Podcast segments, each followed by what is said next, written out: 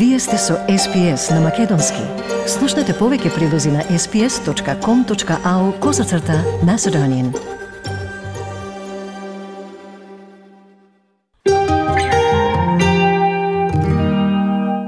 Посетувајќи го стамбениот објект во Дарвин во седиштето Лингјари, прајминистерот ја разбрануваше стамбената политика на коалицијата во време кога партијата ги објави своите трошоци за изборите. Владата за време на кампањата има преземено повеќе од 2,3 милиарди долари за трошење.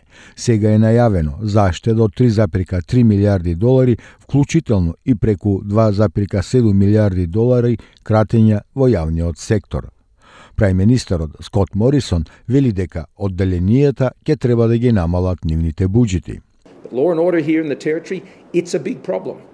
And we've been putting resources to it and support to ensure that can be addressed. And with Damien and Tina, that will continue. Националниот секретар на заедницата и синдикатот на јавниот сектор, Мелиса Донели, вели дека не преостанува ништо да се намали и дека тоа ќе има влијание врз услугите, работните места во првите редови и дека ќе остане малку за јавниот сервис.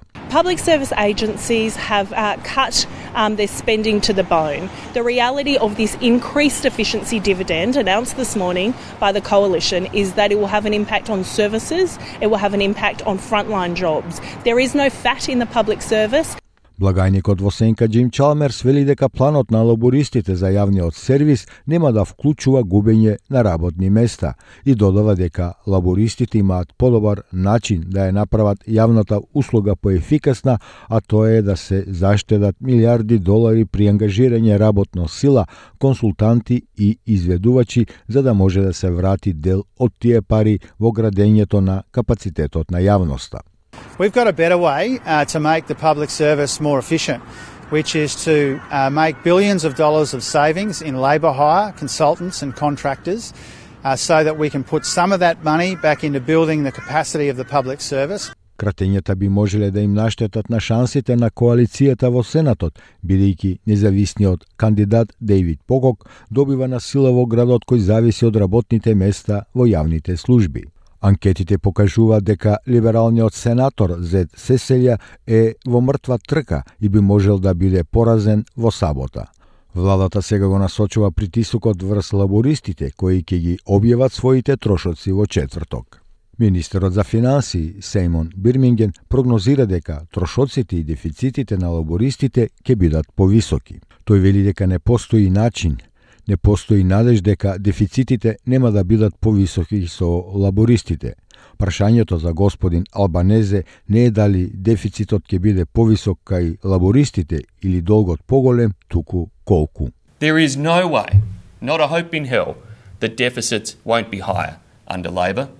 The question for Mr Albanese isn't will deficits be higher under Labor or will debt be higher under Labor, but how much Ентони Албанези вели дека се ќе биде откриено и го бранеше одложувањето на трошоците. Our costings will be out on, on Thursday. Uh, they'll be released at the same time that uh, the last time that there was a change of government occurred. We have a couple more announcements to go. Uh, we have until Saturday. Како што се вжештува кампањата, дебатата за климатските промени ја немаше како што многумина се надеваа, но Ентони Албанези вели дека тоа ќе биде негово наследство во разговорот со новинарот Ларни Скар во Перт. In three sentences or less, win or lose on Saturday, what's Anthony Albanese's legacy? Uh, acting on climate. Опозицијата потроши значително време во Западна Австралија да го искористи влијанието на Марк Мегован, кој извојува убедлива победа на државните избори минатата година.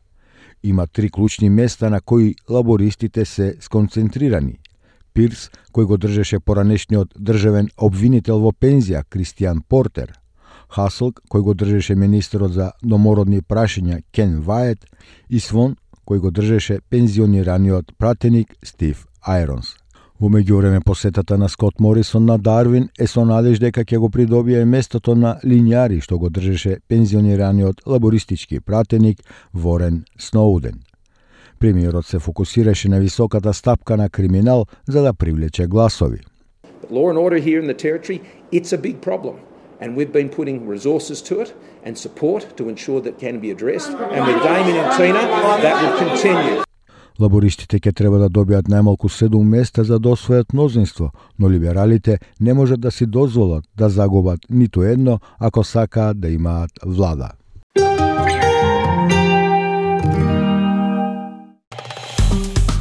Стиснете, ми се допаѓа, споделете, коментирајте. Следете ја SPS на Македонски на Facebook.